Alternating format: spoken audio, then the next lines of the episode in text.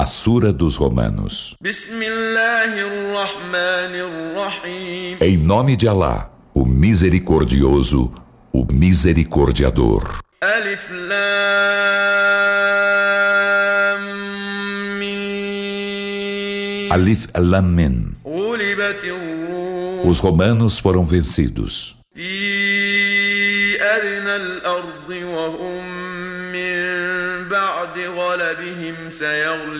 Na terra mais próxima, e eles, após sua derrota, vencerão.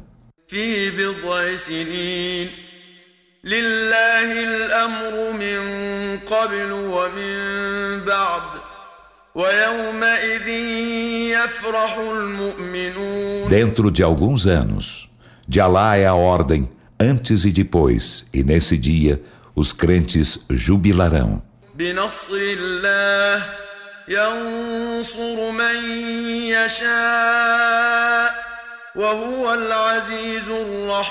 Com o socorro de Alá, ele socorre a quem quer, e ele é o Todo-Poderoso, o Misericordiador. لا يخلف الله وعده ولكن أكثر الناس لا يعلمون É a promessa de Allah. Allah não falta sua promessa, mas a maioria dos homens não sabe. يعلمون ظاهرا من الحياة الدنيا وهم عن الآخرة هم غافلون Eles sabem apenas das aparências da vida terrena e estão desatentos à derradeira vida.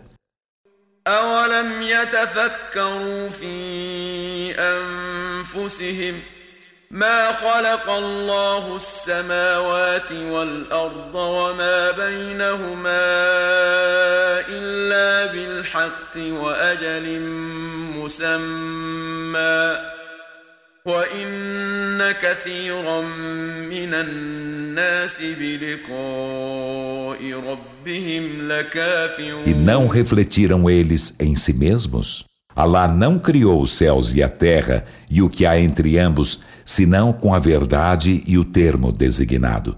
E por certo, muitos dos homens são renegadores do deparar de seu Senhor.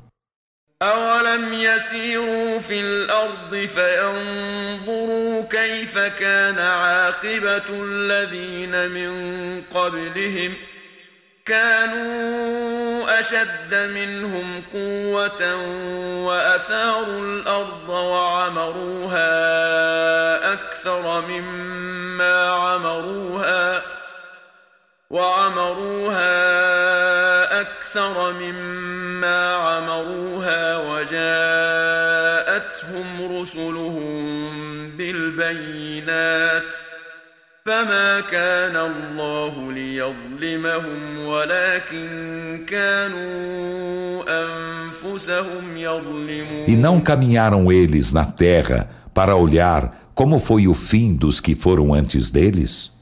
foram mais veementes que eles em força e lavraram a terra e povoaram-na mais do que eles a povoaram. E seus mensageiros chegaram-lhes com as evidências, mas eles as negavam. Então, não é admissível que Alá fosse injusto com eles, mas eles foram injustos com si mesmos.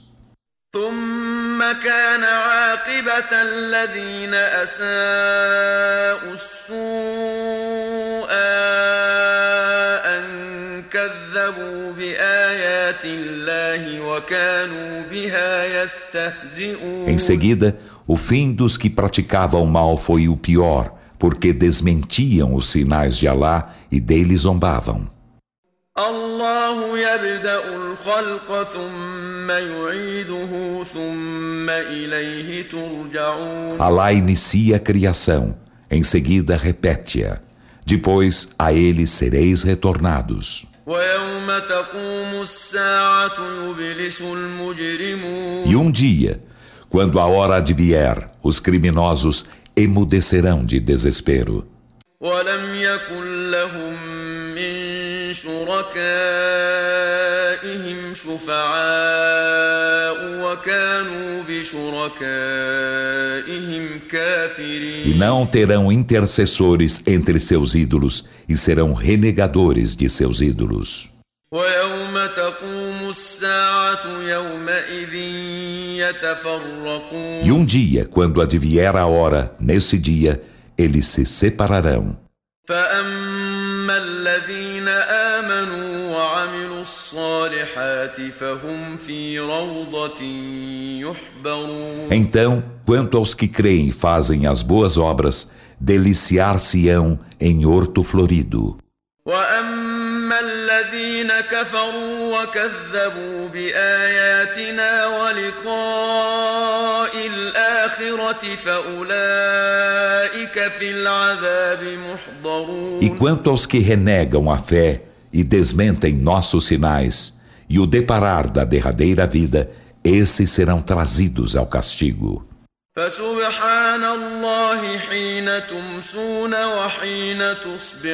Então glorificado seja lá quando entrardes no crepúsculo e quando entrardes na aurora.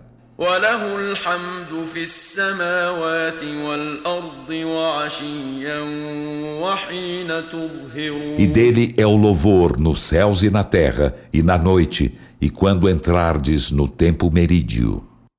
يخرج الحي من الميت ويخرج الميت من الحي ويحيي الأرض بعد موتها وكذلك تخرجون Ele faz sair o vivo do morto e faz sair o morto do vivo, e vivifica a terra depois de morta, e assim far-vos-ão sair dos sepulcros.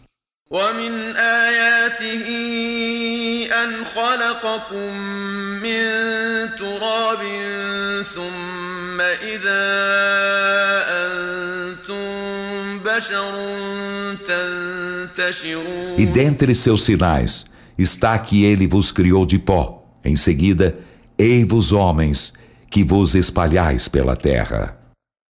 ومن آياته أن خلق لكم من أنفسكم أزواجا لتسكنوا إليها وجعل بينكم مودة ورحمة إن في ذلك لآيات لقوم يتفكرون E dentre seus sinais está que ele criou para vós mulheres de vós mesmos, para vos tranquilizardes, junto delas, e fez entre vós afeição e misericórdia. Por certo, há nisso sinais para um povo que reflete.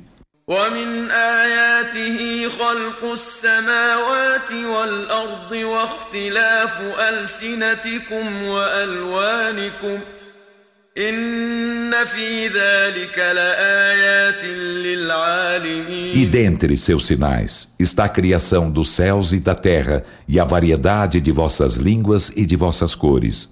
Por certo, há nisso sinais para os sabedores. ومن آياته منامكم بالليل والنهار وابتغاؤكم من فضله إن في ذلك لآيات لقوم يسمعون E dentre seus sinais está vosso dormir à noite e de dia e vossa busca de seu favor. Por certo, há nisso sinais para um povo que ouve. ومن آياته يريكم البرق خوفا وطمعا وينزل من السماء ماء فيحيي به الأرض بعد موتها إن في ذلك لآيات لقوم يعقلون E dentre seus sinais está o fazer-vos ver o relâmpago com temor do raio e a aspiração da chuva, e fazer descer do céu água. Então, com ela, vivifica a terra depois de morta. Por certo, há nisso sinais para um povo que razoa. ومن السماء والأرض بأمره ثم إذا دعاكم دعوة من الأرض إذا أنتم تخرجون E dentre seus sinais está que o céu e a terra se mantêm firmes por sua ordem. Em seguida, quando eles vos convocar com uma convocação da terra, ei-vos que dela saireis. وله من في السماوات والأرض كل له قانتون E dele é quem está nos céus e na terra. A ele todos são devotos. وهو الذي يبدأ الخلق ثم يعيده وهو أهون عليه وله المثل الأعلى في السماوات والأرض وهو العزيز الحكيم E ele é quem inicia a criação, em seguida repete-a. E isto lhe é mais fácil, e dele é a transferência absoluta nos céus e na terra, e ele é o Todo-Poderoso, o Sábio. ضرب لكم مثلا من أنفسكم هل لكم مما ملكت أيمانكم من شركاء فيما رزقناكم فأنتم فيه سواء فأنتم فيه سواء تخافونهم كخيفتكم أنفسكم ۖ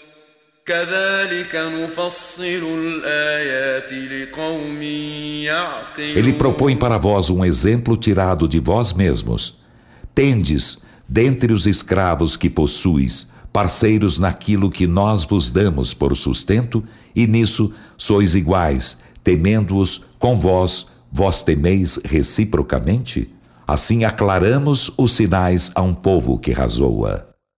بل اتبع الذين ظلموا أهواءهم بغير علم فمن يهدي من أضل الله وما لهم من ناصرين Mas os que são injustos seguem suas paixões sem ciência alguma. Então, quem guiará aqueles a quem Alá descaminha? E eles não terão socorredores. فأقم وجهك للدين حنيفا. فطرة الله التي فطر الناس عليها. لا تبديل لخلق الله. ذلك الدين القيم ولكن أكثر الناس لا يعلمون. Então ergue tua face para a religião, sendo monoteísta sincero. Assim é a natureza feita por Alá, segundo a qual ele criou os homens. Não há alteração na criação de Alá. Essa é a religião reta, mas a maioria dos homens não sabe. منيبين إليه واتقوه وأقيموا الصلاة ولا تكونوا من المشركين Voltai-vos contritos para ele e temei-o, e cumpri a oração, e não sejais dos idólatras.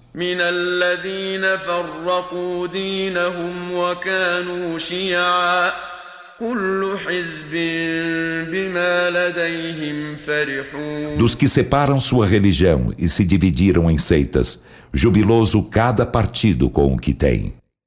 وإذا مس الناس ضر دعوا ربهم منيبين إليه ثم إذا أذاقهم منه رحمة إذا فريق منهم بربهم يشركون E quando o infortúnio toca os homens, invocam a seu Senhor, voltando-se contritos para ele. Em seguida, quando ele os faz experimentar misericórdia vinda dele, eis um grupo deles que associa ídolos a seu Senhor. ليكفروا بما آتيناهم فتمتعوا فسوف تعلمون Para renegar o que lhes concedemos. Então gozai, logo sabereis. أم أنزلنا عليهم سلطانا فهو يتكلم بما كانوا به يشركون Será que nós fizemos descer sobre eles comprovação e esta lhes fala do que associam a ele? وإذا أذقنا الناس رحمة فرحوا بها وإن تصبهم سيئة بما قدمت أيديهم إذا هم يقنطون E quando fazemos experimentar aos homens misericórdia, jubilam com ela, e se os alcança algo de mal pelo que suas mãos anteciparam, ei-los que se desesperam. أولم يروا أن الله يبسط الرزق لمن يشاء ويقدر إن في ذلك لآيات لقوم يؤمنون E não viram eles que Alá prodigaliza o sustento a quem quer e restringiu. Por certo, há nisso sinais para um povo que crê. فآت ذا القربى حقه والمسكين وابن السبيل ذلك خير للذين يريدون وجه الله وأولئك هم المفلحون Então concede ao parente o que lhe é de direito, e ao necessitado e ao filho do caminho.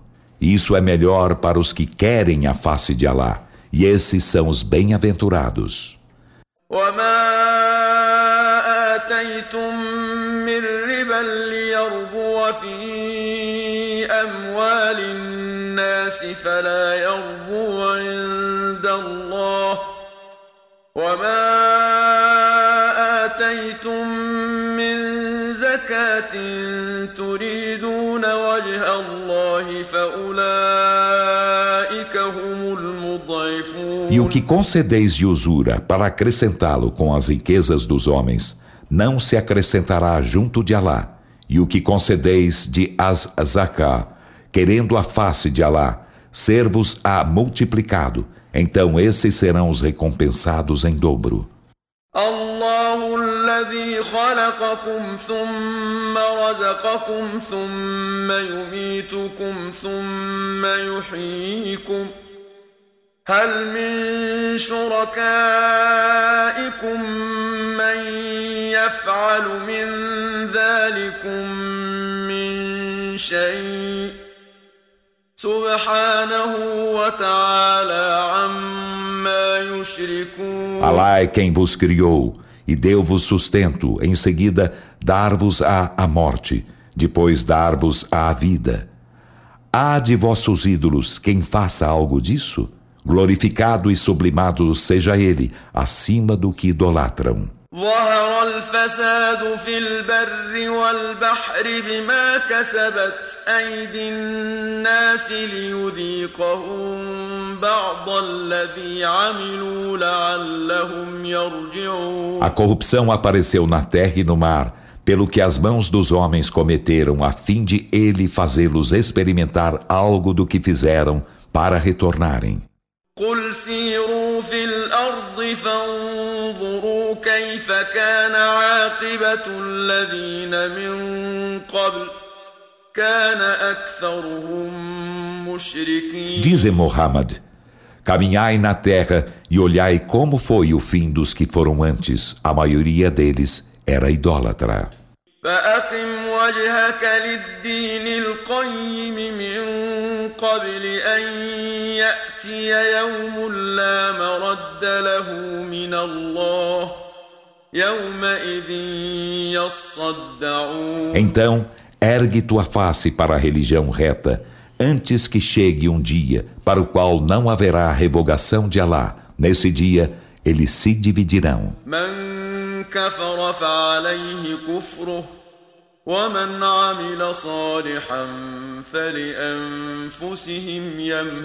Quem renega a fé, sobre ele pesa sua renegação, e quem faz o bem, esses preparam para si mesmos o caminho do paraíso.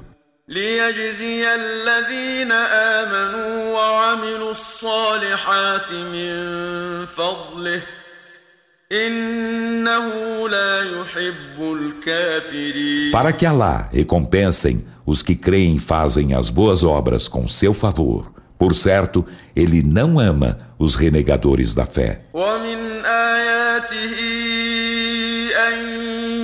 يرسل الرياح مبشرات وليذيقكم من رحمته ولتجري الفلك بأمره ولتجري الفلك بأمره ولتبتغوا من فضله ولعلكم تشكرون E dentre seus sinais está que ele envia os ventos por alviçareiros, isso para fazer-vos experimentar de sua misericórdia, e para o barco correr no mar por sua ordem, e para buscardes de seu favor e para serdes agradecidos.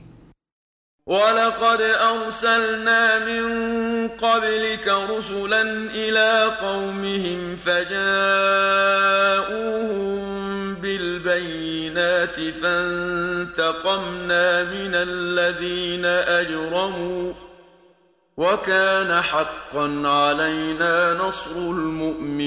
e com efeito, enviamos antes de ti mensageiros a seus povos, e chegaram-lhes com as evidências. Então, vingamo-nos dos que foram criminosos. E foi dever que nós impendeu socorrer os crentes. Allah فتثير سحابا فيبسطه في السماء كيف يشاء. فيبسطه في السماء كيف يشاء ويجعله كسفا فترى الودق يخرج من خلاله. فإذا أصاب به من يشاء من عباده إذا هم يستبشرون Alá é quem envia o vento e este agita nuvens. Então, ele as estende no céu como quer e falas em pedaços. E tu vês sair a chuva de dentro delas. E quando ele alcança com ela a quem quer de seus servos, ei-los que exultam. وإن كانوا من قبل أن ينزل عليهم من قبله لمبلسين E com efeito, antes de fazê-la descer sobre eles, estavam emudecidos de desespero.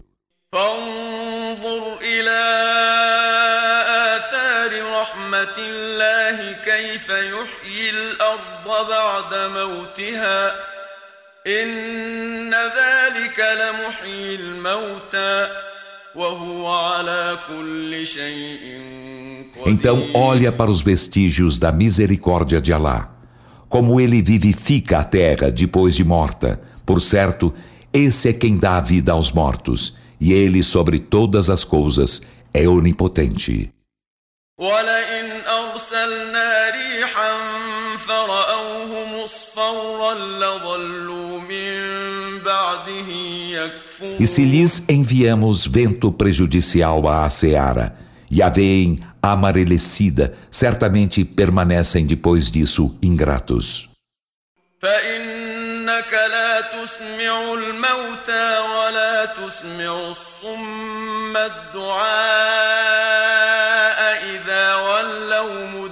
E por certo, tu não podes fazer ouvir aos mortos, e não podes fazer ouvir aos surdos a convocação quando te voltam as costas, fugindo. وما أنت بهاد العمي عن ضلالتهم إن تسمع إلا من يؤمن بآياتنا فهم مسلمون E tu não podes guiar os cegos, desviando-os de seu descaminho. Não podes fazer ouvir senão a quem crê em nossos sinais, pois são muslimes. الله الذي خلقكم من ضعف ثم جعل من بعد ضعف قوة ثم جعل من بعد قوة ضعفا وشيبة يخلق ما يشاء Alá é quem vos criou de fragilidade. Em seguida, fez depois de fragilidade força. Em seguida, fez depois de força fragilidade e cãs. Ele cria o que quer. E ele é onisciente, o onipotente.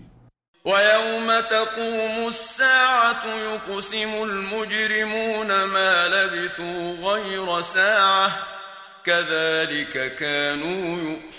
E um dia, quando advier a hora, os criminosos jurarão não haver permanecido nos sepulcros, senão uma hora. Assim, distanciavam-se eles da verdade. وقال الذين أوتوا العلم والإيمان لقد لبثتم في كتاب الله إلى يوم البعث فهذا يوم البعث ولكنكم كنتم لا تعلمون E aqueles aos quais fora concedida a ciência e a fé dirão: Com efeito, lá permanecestes, conforme está no livro de Alá, até o dia da ressurreição. E este é o dia da ressurreição, mas não sabíeis. فيومئذ لا ينفع الذين ظلموا Então, nesse dia, as escusas não beneficiarão aos que foram injustos, e eles não serão solicitados a nos agradar. ولقد ضربنا للناس في هذا القرآن من كل مثل ولئن جئتهم بآية ليقولن الذين كفروا إن أنتم إلا مبطلون E com efeito propomos para os homens neste Alcorão toda sorte de exemplos. E se lhes chegas com um sinal em verdade, os que renegam a fé dirão: Vós não sois senão defensores da falsidade. كذلك يطبع الله على قلوب الذين لا يعلمون Assim, Alá sela o coração dos que não sabem.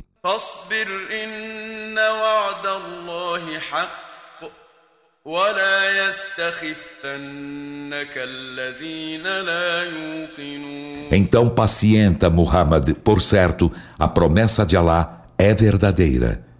E que te não abalem os que se não convencem da ressurreição.